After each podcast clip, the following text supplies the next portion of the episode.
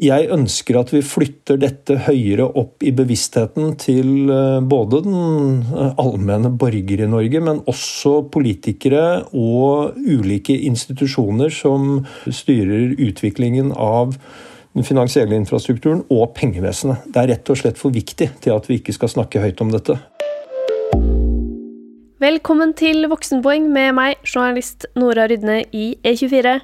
Vi har så vidt vært innom dette sentrale spørsmålet i nesten alle kryptoepisodene våre, men i denne episoden skal vi gå grundigere til verks. For hele forutsetningen for at kryptoinvestorer ikke en dag taper alle pengene sine, er jo at eh, valutaen lykkes, og ikke plutselig en dag blir borte. Så hva skal til for at eh, kryptovaluta blir en del av fremtiden? Med oss i dag til å diskutere det har jeg informasjonsdirektør Tom Stovi i Finans Norge. Velkommen. Tusen takk.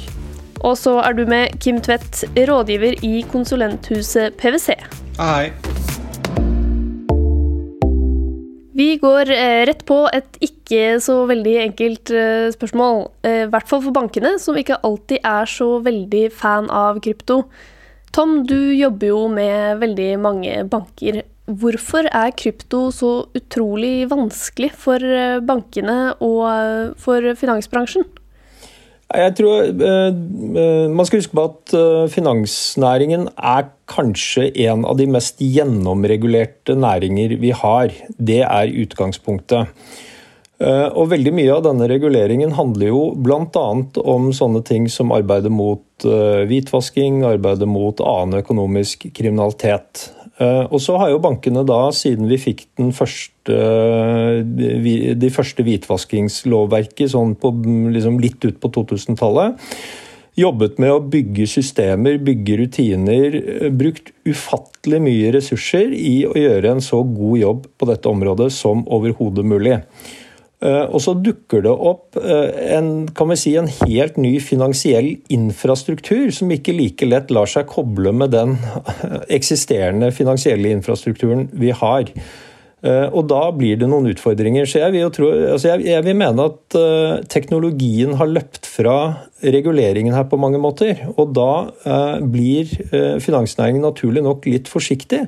Fordi at uh, hvis man trår feil på dette området her, så kan man oppleve bøter i 100 millioner kroners-klassen. Så dette handler egentlig ikke så mye om hva bankene vil Eh, eh, altså om, man, om, bankene har en mening om krypto. Dette handler om at man ønsker å hjelpe kundene sine, men man har underlagt et regelverk som man må forholde seg til, og som man nå lurer litt på hvordan skal implementeres i den ordinære finansielle verden som vi har. Eh, og Der er det jo også sånn at jeg tror man skal peke litt på myndighetssiden og be om noe guiding for hvordan man skal håndtere dette. Kim, har du noe å tilføye? Nei, Jeg syns eh, Tom peker på en del viktige ting her. Dette er jo en deilig clinch mellom det etablerte og det nye innovative innenfor regulering, teknologi og eh, business. Eh, og det treffer jo hele aktørbildet, altså myndigheter som regulerer markedet og etablerer en offisiell valuta. Det treffer eh, virksomheter, altså banker, forsikringsselskap, verdipapirforetak som tilbyr produkter og eh, tjenester av finansiell art. Og det treffer jo kunder, altså oss som forbrukere, eh, som har lyst til å ta betalt eller har lyst til å investere i, i, et, eh, altså i kryptovaluta. Eller selskaper som skal ta imot betaling, finansiere eh, prosjekter eh, og, og, selskapet sitt på, med, med, nye innovative produkter å gjøre det på. Um, og så er det et det, er jo et element her eh, som er viktig for finansbransjen og egentlig det finansielle eh, systemet, og det handler jo om, om tillit. Eh, hele systemet er jo bygget på tillit mellom disse aktørene. Og så eh, prøver man å balansere risikoen for de ulike aktørene eh, og i systemet i seg selv. Da.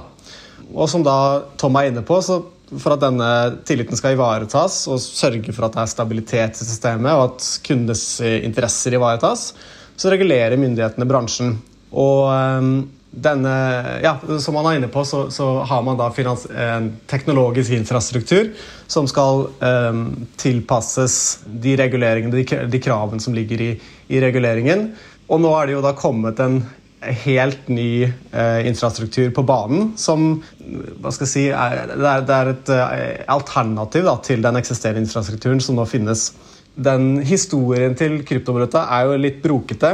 Eh, og det er ansett eh, så, som høy eh, risiko knyttet til hvitvasking tilhørende produkt i seg selv. Og det er jo da eh, et spørsmål knyttet til hvor kryptovaluta er brukt, altså hvor middelens opprinnelse kommer fra. Sånn at det kan være litt eh, krevende fra et bankperspektiv å kunne ivareta pliktene eh, knyttet til det området. da.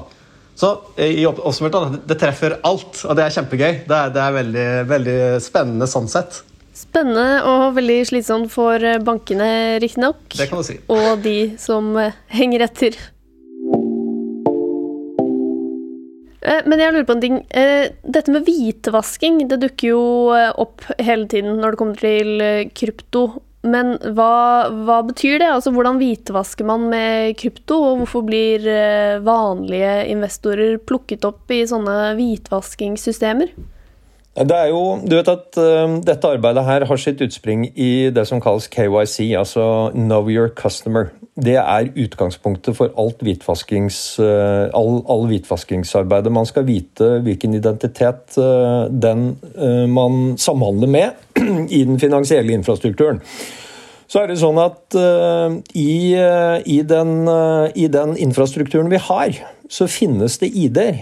Det finnes et personnummer, det finnes et menneske, det finnes et organisasjonsnummer, det finnes en bedrift. alle disse menneskene og bedriftene samhandler med hverandre, men den løypa er det mulig å gå opp.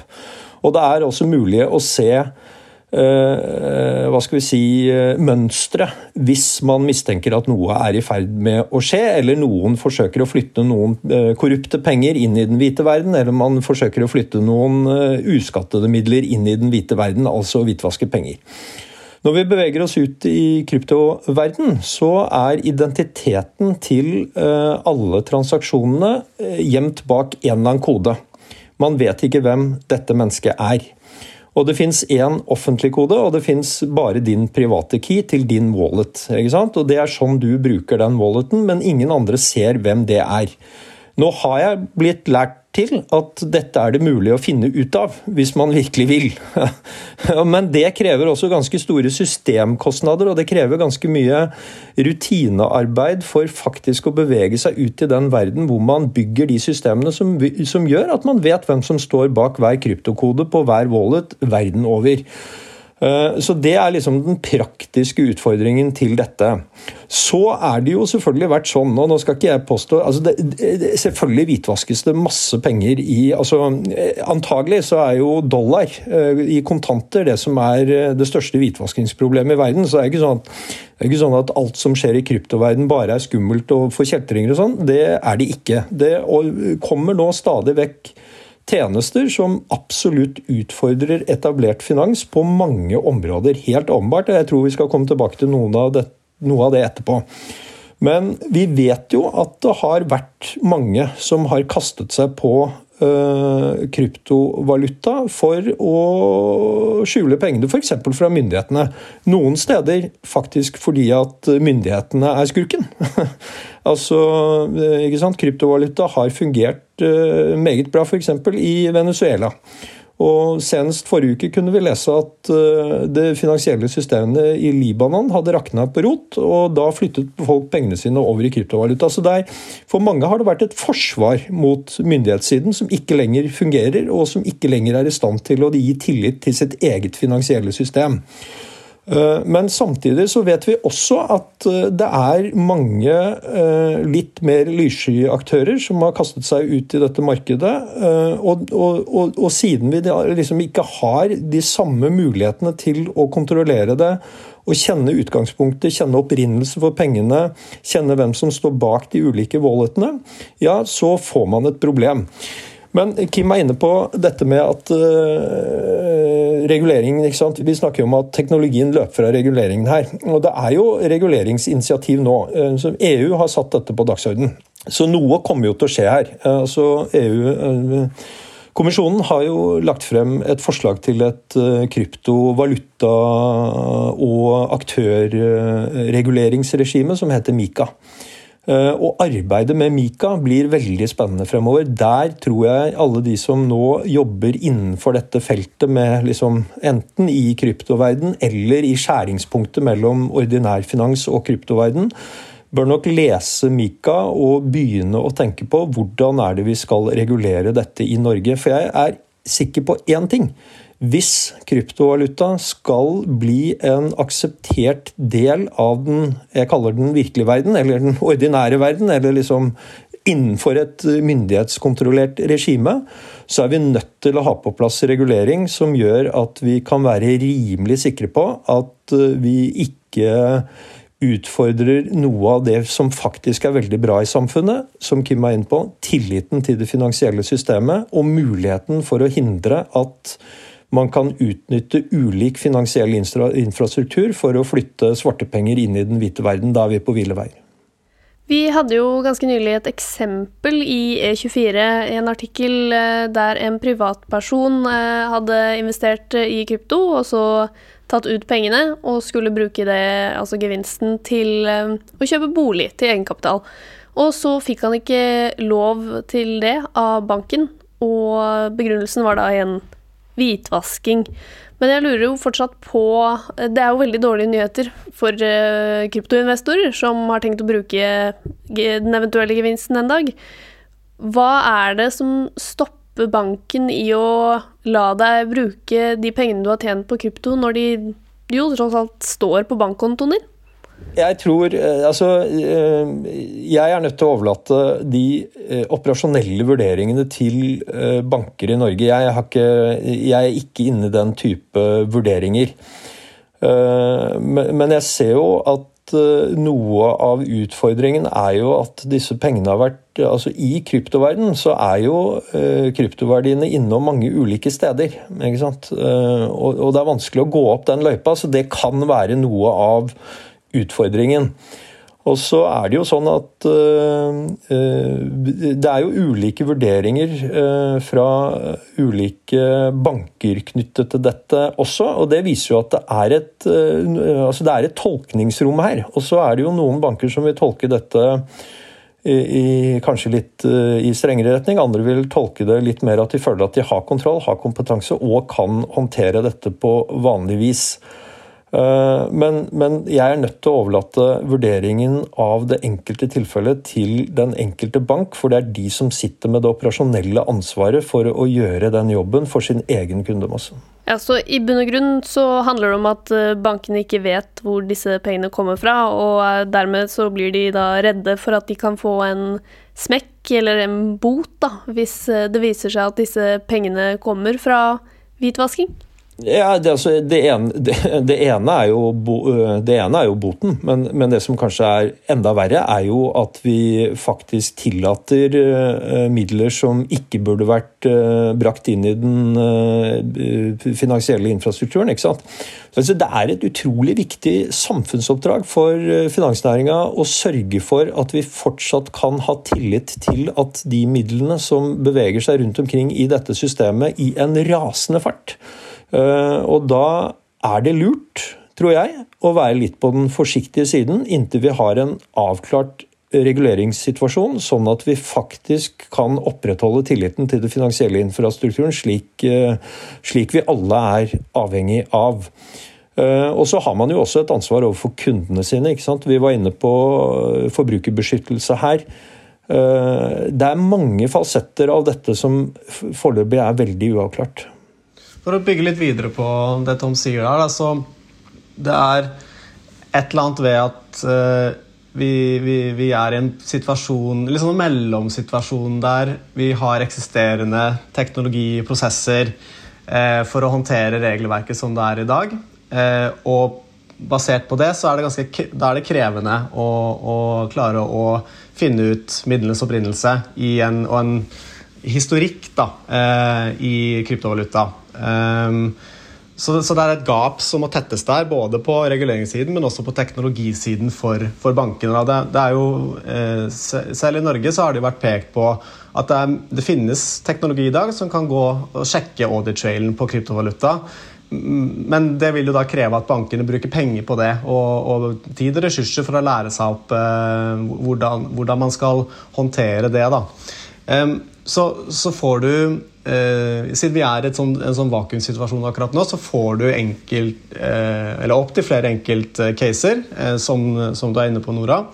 Eh, der kundene blir litt sånn ja, hvorfor, hvorfor, kan jeg ikke bruke disse ekte pengene? De, de står på en eh, eh Antagelig så er, har jo Kundene har jo mulighet til å konvertere kryptovaluta til uh, euro, f.eks. I, i europeiske banker, som, som, lar deg veksle fra krypto til, til Fiat-valuta.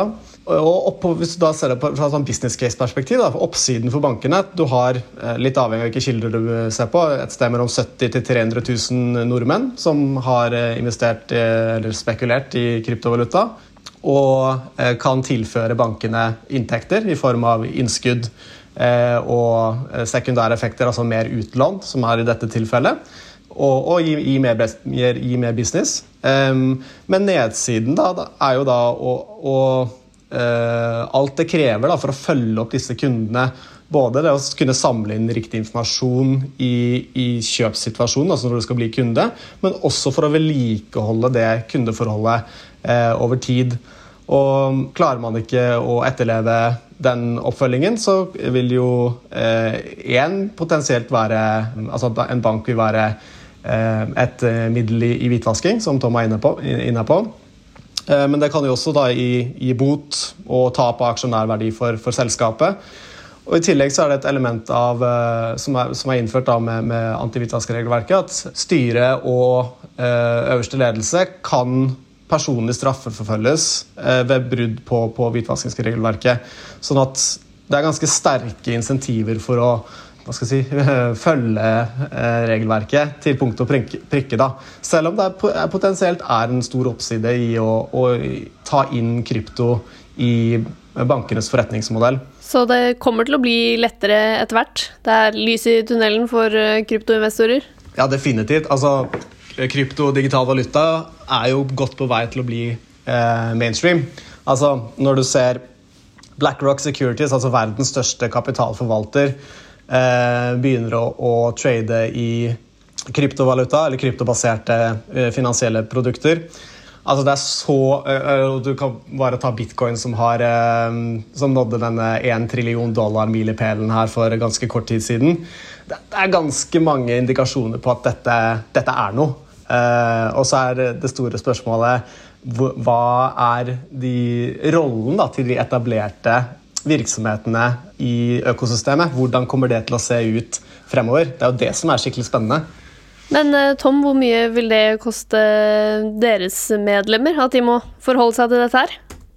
Altså, jeg tror jo at vi er på vei Eh, eh, i større grad av samarbeid både mellom, eh, mellom altså innad i næringen, men også mellom næring og offentlige myndigheter i arbeidet mot hvitvasking og annen type økonomisk kriminalitet. Det er ingenting i det vi gjør i dag som er spesielt altså, Det vi gjør er effektivt, men jeg tror kanskje ikke vi får like mye ut av det som alle pengene som blir puttet inn i dette.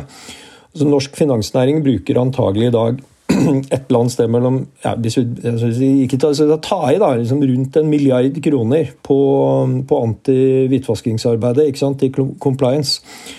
Uh, og så sender man sånn type 12 000 uh, meldinger om mistenkelige transaksjoner til Økokrim hvert eneste år. Og det vokser jo. Og spørsmålet er jo hvor mye av det kommer ut i form av at vi får satt Eh, skurker bak eh, lås og slå. Og det er, jo, det er jo et spørsmål jeg tror hele samfunnet må ta inn over seg. Så, så, hva dette kommer til å koste og sånn altså Jeg tror ingen av oss helt vet hvordan dette arbeidet kommer til å utvikle seg fremover, men jeg tror det går i retning av større grad av samarbeid mellom næring og myndigheter. Men jeg har lyst til å kommentere litt og følge opp Kim litt. Altså, jeg er også enig i altså, Jeg tror at fremtiden blir sånn at de som leverer de mest effektive tjenestene, som har tillit til den laveste prisen, de har et verdiforslag som, uh, som er vanskelig å komme rundt. ikke sant? Det er jo en grunn til at uh, alt skjer på nettet these days. Det er fordi at det er mye enklere og vesentlig mer effektivt å spre informasjon digitalt, fremfor at vi skal trykke aviser og sende dem i postkassen til folk. Eh, og Sånn er det også med det finansielle systemet. Eh, du kan si at I Norge så har vi bygd et finansielt system som er eh, et av verdens mest digitaliserte, kanskje verdens mest digitaliserte finansielle system. Det er et av de mest effektive, og det er for sure et av de billigste å drifte. Så en god del andre steder i verden så bruker de fortsatt kontanter. I Norge har vi billige, sikre og digitale løsninger som er fryktelig effektive. Det man kanskje ikke har klart i internasjonal finans, det er det som kalles cross-border payments. Altså, en av de grunnleggende tankene til kryptovalutaer var jo at man skulle eh, nær gratis kunne sende de til alle som har den samme walleten rundt omkring i verden, som vil ta imot den verdienheten. Problemet til en god del kryptovaluta er jo at de farer jo opp og ned i verdi som uh, bare det. Så Det er liksom litt vanskelig å bruke det som et betalingsmiddel når du ikke vet dagen etter hva det du kjøpte i går kosta. Uh, det kan være dobbeltpris eller det kan være halvprisen. Uh, liksom, og Da er det vanskelig å ta imot pengene også for å selge varer og tjenester internasjonalt.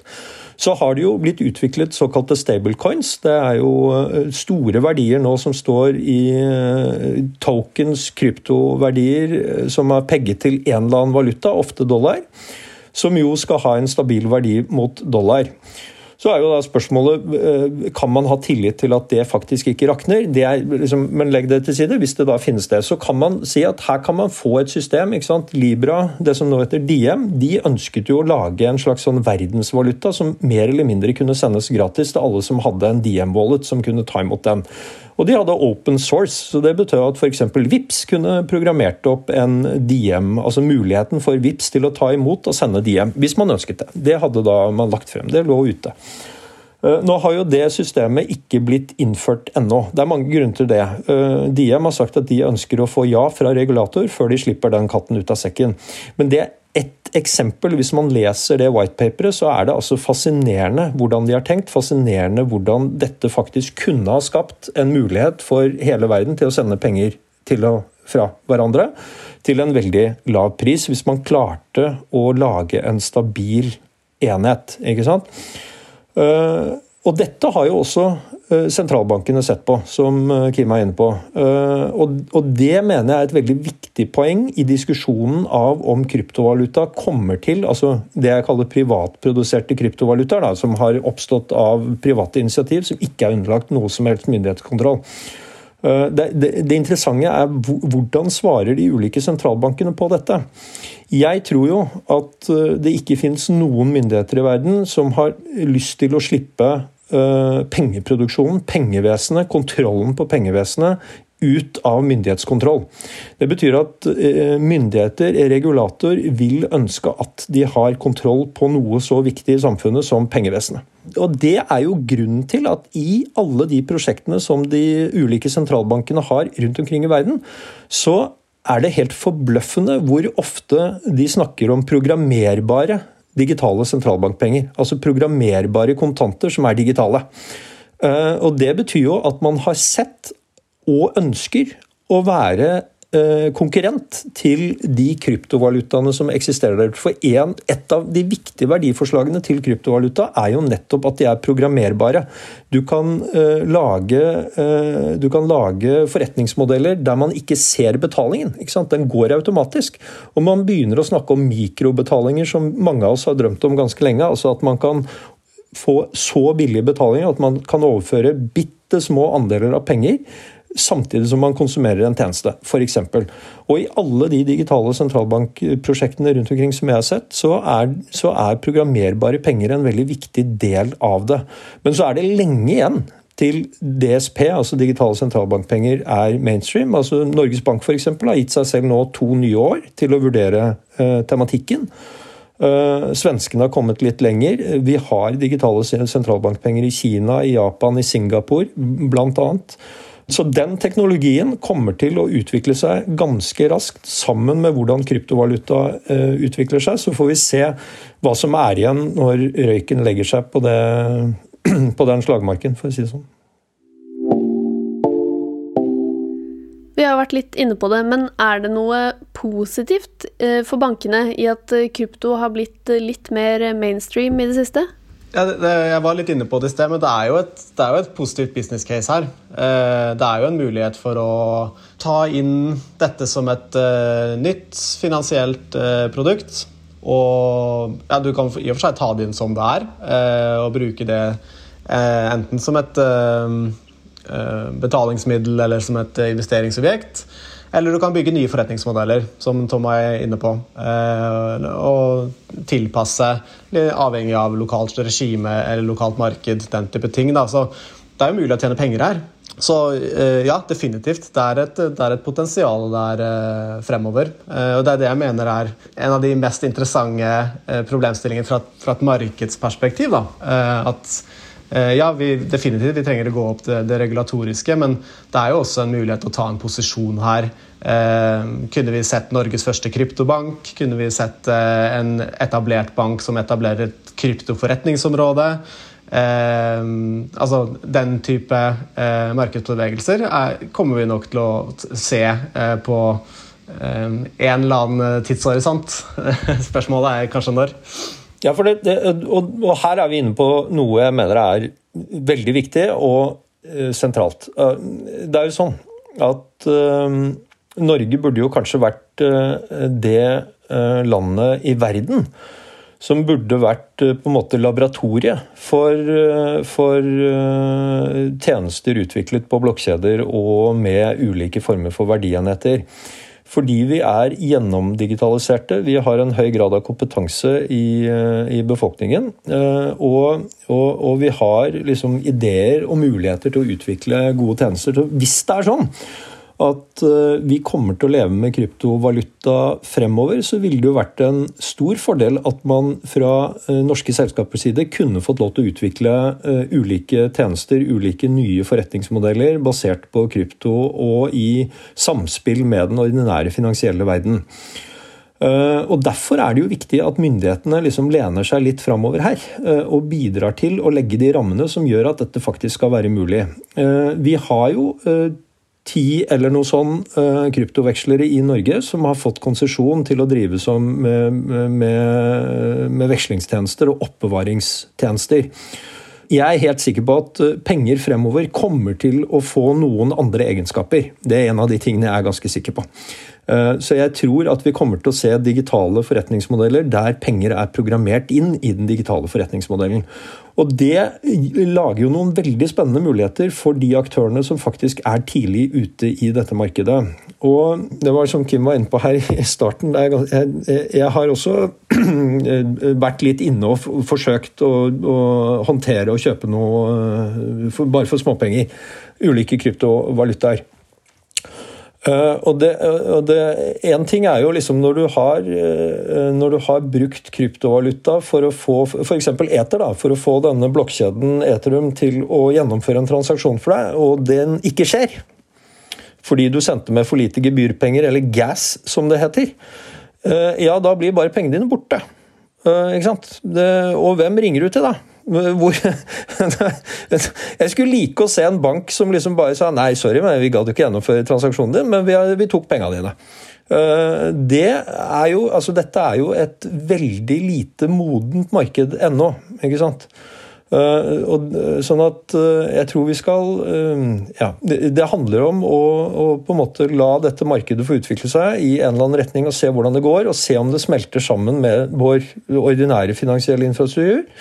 Så det er godt mulig at denne kryptoverdenen at det faktisk øh, vokser frem behovet for en tredjepart i midten. Slik en del av kryptoaktørene har drømt om at det ikke skal være. Men vi ser allerede tegn til at det vokser frem den type aktører. Og det minner veldig mye om den ordinære finansielle infrastrukturen, der det faktisk er en, en tillitsbygger i midten som bidrar med noen tjenester som er verdt noe. Så det er jo veldig spennende om det kanskje kan bli banken i fremtiden. Men betyr det da døden for eh, bitcoin, hvis eh, bankene kommer inn med det, den forbanna mellommannen deres som kryptofolka ikke liker? Nei, det, du kan jo forbanna mitt Jeg vil jo si at de tilfører noe som er veldig viktig. Altså, Nå snakket jeg som en kryptoentusiast. Ja, jeg vil bare påpeke det. Jeg har ikke noe imot det selv. Nei, ja, men, jo, men altså, det er jo det som er spørsmålet her. Da. Er det sånn at, uh, at det, det, fortsatt i fremtiden vil være behov for en trusted middleman? Uh, og det er godt mulig at det kommer til å være det. Eh, og, Det betyr ikke at eh, bitcoin blir borte. Jeg ser jo at veldig mange refererer til eh, og nå, og nå er vi litt på vei inn i en filosofisk verden. ikke sant? For hva er penger? Hva er verdier? Eh, bitcoin har en verdi fordi at alle tror at den har det. Eller i hvert fall de som ønsker å kjøpe den for mer penger, har det. Foreløpig er jo ikke verdiforslaget til bitcoin eh, som liksom en, eh, en enhet som kan brukes til betalingsformidling. Det er jo ikke der verdiene av bitcoin ligger. Jeg skjønner at de prøver å utvikle nye tjenester, og de har Lightning Network og de, altså Det er en del ting som skjer rundt der, jeg skjønner det. Men, men samtidig er det jo først og fremst noe som har verdi fordi at nestemann tror det har mer verdi. Ehm, og, og, og, og, det er jo det interessante poenget med penger her. Da? Hva, hvilke penger er det vi egentlig kan ha tillit til har en verdi? Eh, det er jo ikke den samme graden av etablerte systemer bak eh, kryptovaluta. Og da blir det også et spørsmål om de vil ha tillit eh, fremover. Og om man klarer å bygge nok tjenester i denne desentraliserte delen av verden til at vi faktisk begynner å bruke det, at det er merverdi i å bruke det, og at folk begynner å tro på ja, dette kan jeg ha tillit til, fordi det er bygd såpass mye institusjoner, så mye kontroll, så mye regulering osv. rundt det, til at jeg kan stole på at disse pengene har en verdi også i morgen. Men hvis vi eh, for et øyeblikk går litt bort fra krypto og ser eh, på blokkjedeteknologien da, som ligger under kryptovalutaen, hva tror dere kommer til å skje med den teknologien framover? Er det noe bankene vil kaste seg på? Tom er jo inne på det, at det er jo et rotterace allerede nå mellom de ulike blokkjedene. Eh, man må tenke på at dette er jo også eh, Eller flere av de er jo også egne selskaper som har egen interesse av å bli store og få masseadopsjon, og gjerne global adopsjon. Sånn at der, der er det jo både prinsipielle diskusjoner, som vi har vært inne på her, men også rene hva skal si, strategiske diskusjoner og posisjonering i markedet mellom de ulike blokkjedene.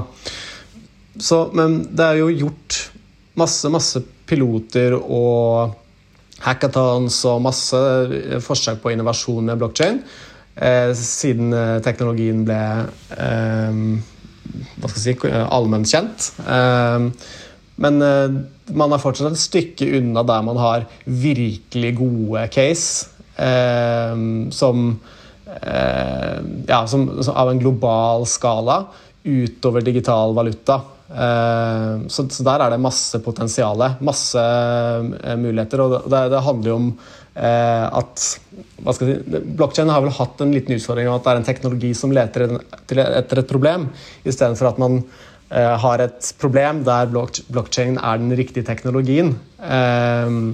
Og det handler jo selvfølgelig mye om kunnskap og kompetanse. Og Det kan du jo tilbake igjen til det vi snakket om, den prinsipielle diskusjonen.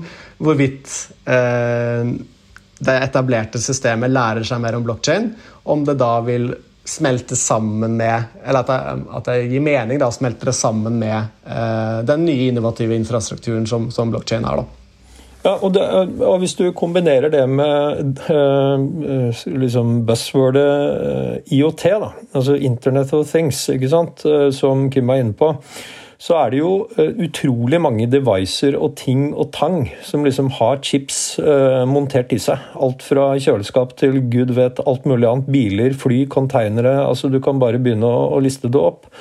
Eh, og det er klart, Hvis det går an å utvikle en slags infrastruktur der uh, f.eks. en bil forteller forsikringsselskapet at nå kjører jeg, så nå begynner jeg å strime over forsikringspremien min, eksempel. Altså Man kunne tenke seg den type tjenester. De eksisterer jo, uh, for så vidt. Eh, man kan tenke seg konteinere eh, med varer som bare gjør tolldeklarasjonen selv. Fordi at myndighetene avlyser chipen som kommer inn i sitt territorium, og pengene går automatisk. Altså, det, er, det er ganske sånn vidstrakte muligheter i det spacet hvor man kan lage nye forretningsmodeller som, ganske, som gir noen helt eh, eventyrlige muligheter, selvfølgelig. Så det blir jo spennende, og det er jeg helt enig med Kim. Dette handler om kompetanse, og det handler liksom om å, å finne de riktige utnyttelsesmulighetene for blokkjedeteknologien. Men på et annet område tror jeg som vi også uh, må snakke om, uh, hvor, hvor, dette helt åpenbart har uh, et veldig positivt verdiforslag, det er jo i den verden som kalles the unbanked.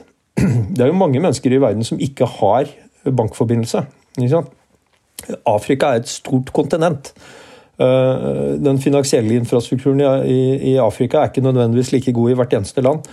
Uh, selv i USA, forbausende nok Jeg leste da uh, Fed hadde en rapport om uh, digitale sentralbankpenger der den ba om liksom bidrag til hva disse digitale sentralbankpengene skulle løse. Og så listet de opp syv scenarioer. Her trenger man kanskje en digital sentralbankpenge. Og Det forbausende var at flere av de scenarioene handlet om amerikanere som var unbanked eller det vi kaller underbanked. Altså at de fortsatt har mange banktjenester i USA der du må dra til den nærmeste filialen. Og det er klart at Hvis du bor er bonde langt ute på bygda i Midtvesten ikke sant, og må kjøre tre og en halv time for å komme i banken, fordi at det er den nærmeste branchen du har, så det er klart at da er det jo selvfølgelig sånn at man kan lage andre og mer effektive systemer som gjør at man kan få en bedre bankforbindelse via ulike former for digital valuta. Og så kan man jo spørre om det altså fortsatt tilbake igjen, Skal det være vanlige bankkontopenger, eller skal det være digitale sentralbankpenger eller en eller annen kryptovaluta? Vet ikke. Poenget er bare her er det et anvendelsesområde som jeg tror er viktig for veldig mange i verden. Og her snakker vi milliarder av mennesker. ikke sant? Og det er klart at hvis du hvis du evner å utvikle systemer som gjør at du kan eh, eh, lage banktjenester for eh, milliarder av mennesker, så setter du et såpass stort avtrykk i verdensøkonomien at, at det vil bre om seg også til andre steder, vil jeg tro. Så oppsummert så kommer antagelig krypto til å bli mer mainstream etter hvert, på en eller annen måte. Og det blir antagelig lettere for bankene, og reguleringene er på vei til å komme i kapp med teknologien, i hvert fall. Og så vet vi ikke så mye om framtiden utover at det kommer til å bli mer digitalt. Og at vi har en mulighet til å være med på å påvirke det. Det tenker jeg kan være greit å ta med seg at det, teknologien finnes der, behovet finnes der, som eh, Tom peker på, om det er nasjonalt eller internasjonalt. Så her er det et ordentlig mulighetens eh, marked. Og, så det er bare å hive, hive, seg på, tenker jeg. Ja, og, og, og, jeg mener at dette her er et tema eh, Veldig bra at du sier det, Kim. Fordi dette er et tema altså Pengevesenet og utviklingen av pengevesenet er for viktig til at ikke det skal være en del av den offentlige samtalen. Nå kom finansmarkedsmeldingen fra regjeringen på fredag. Eh, der skriver de at de vil eh, neste år komme tilbake til en vurdering av virtuelle valutaer. Og jeg, jeg, jeg, må jo si at jeg, eh, jeg, ønsker at vi flytter dette høyere opp i bevisstheten til både den allmenne borger i Norge, men også politikere og ulike institusjoner som styrer, styrer utviklingen av den finansielle infrastrukturen og pengevesenet. Det er rett og slett for viktig til at vi ikke skal snakke høyt om dette. Vi er så avhengig av at vi har et pengevesen som det er høy grad av tillit til. Uh, og det, altså, Så dette må, vi, dette må vi snakke høyere om. Det er egentlig hovedpoenget mitt. Uh, og så vil jeg tro at uh, de reguleringsinitiativene fra EU kommer til å treffe oss i løpet av dette året, så det blir veldig spennende å følge med. Det skjer veldig mye akkurat nå. Et uh, siste spørsmål til dere her før vi runder av. Har krypto kommet for å bli, eller eh, er det en boble? En eller annen form for digital valuta, trenger ikke nødvendigvis være kryptovaluta, er kommet for å bli. Det er uh, min oppfatning av det. Ja, jeg er helt enig. Eh, jeg, altså, om du kaller det kryptovaluta eller digitale penger, men vi kommer til å ha uh, digitale verdier. Altså, nesten alle pengene i det norske samfunnet er produsert av banker. Uh, Bankene lager penger når de gir nye lån. Uh, og så har vi kontanter. Jeg tror kontanter kommer til å bli borte, men jeg tror ikke myndighetene kommer til å ikke ha en finger med i det spillet. De vil komme til å lage en eller annen form for digitale Eh, penger. Eh, jeg vil ikke mene at det er kryptovaluta. Og Så blir det spennende å se hva som skjer på utsiden av det. Og, Da er jo spørsmålet hvor gode vil de to alternativene være? Og Hvis befolkningen, borgerne, etterspør andre alternativer, ja, så har det kommet for å bli. Tusen takk for praten. Tom Stovi, informasjonsdirektør i Finans Norge, og Kim Tvedt, rådgiver i PwC. Takk for at vi fikk være med. Ja, takk for at vi var med. Produsent i dag det var eh, Sunniva Glessing. Og hvis du vil se mer innhold fra podkasten om f.eks. kryptovaluta, så må du gå og følge oss på Instagram. Der heter vi Voksenpoeng med Nora.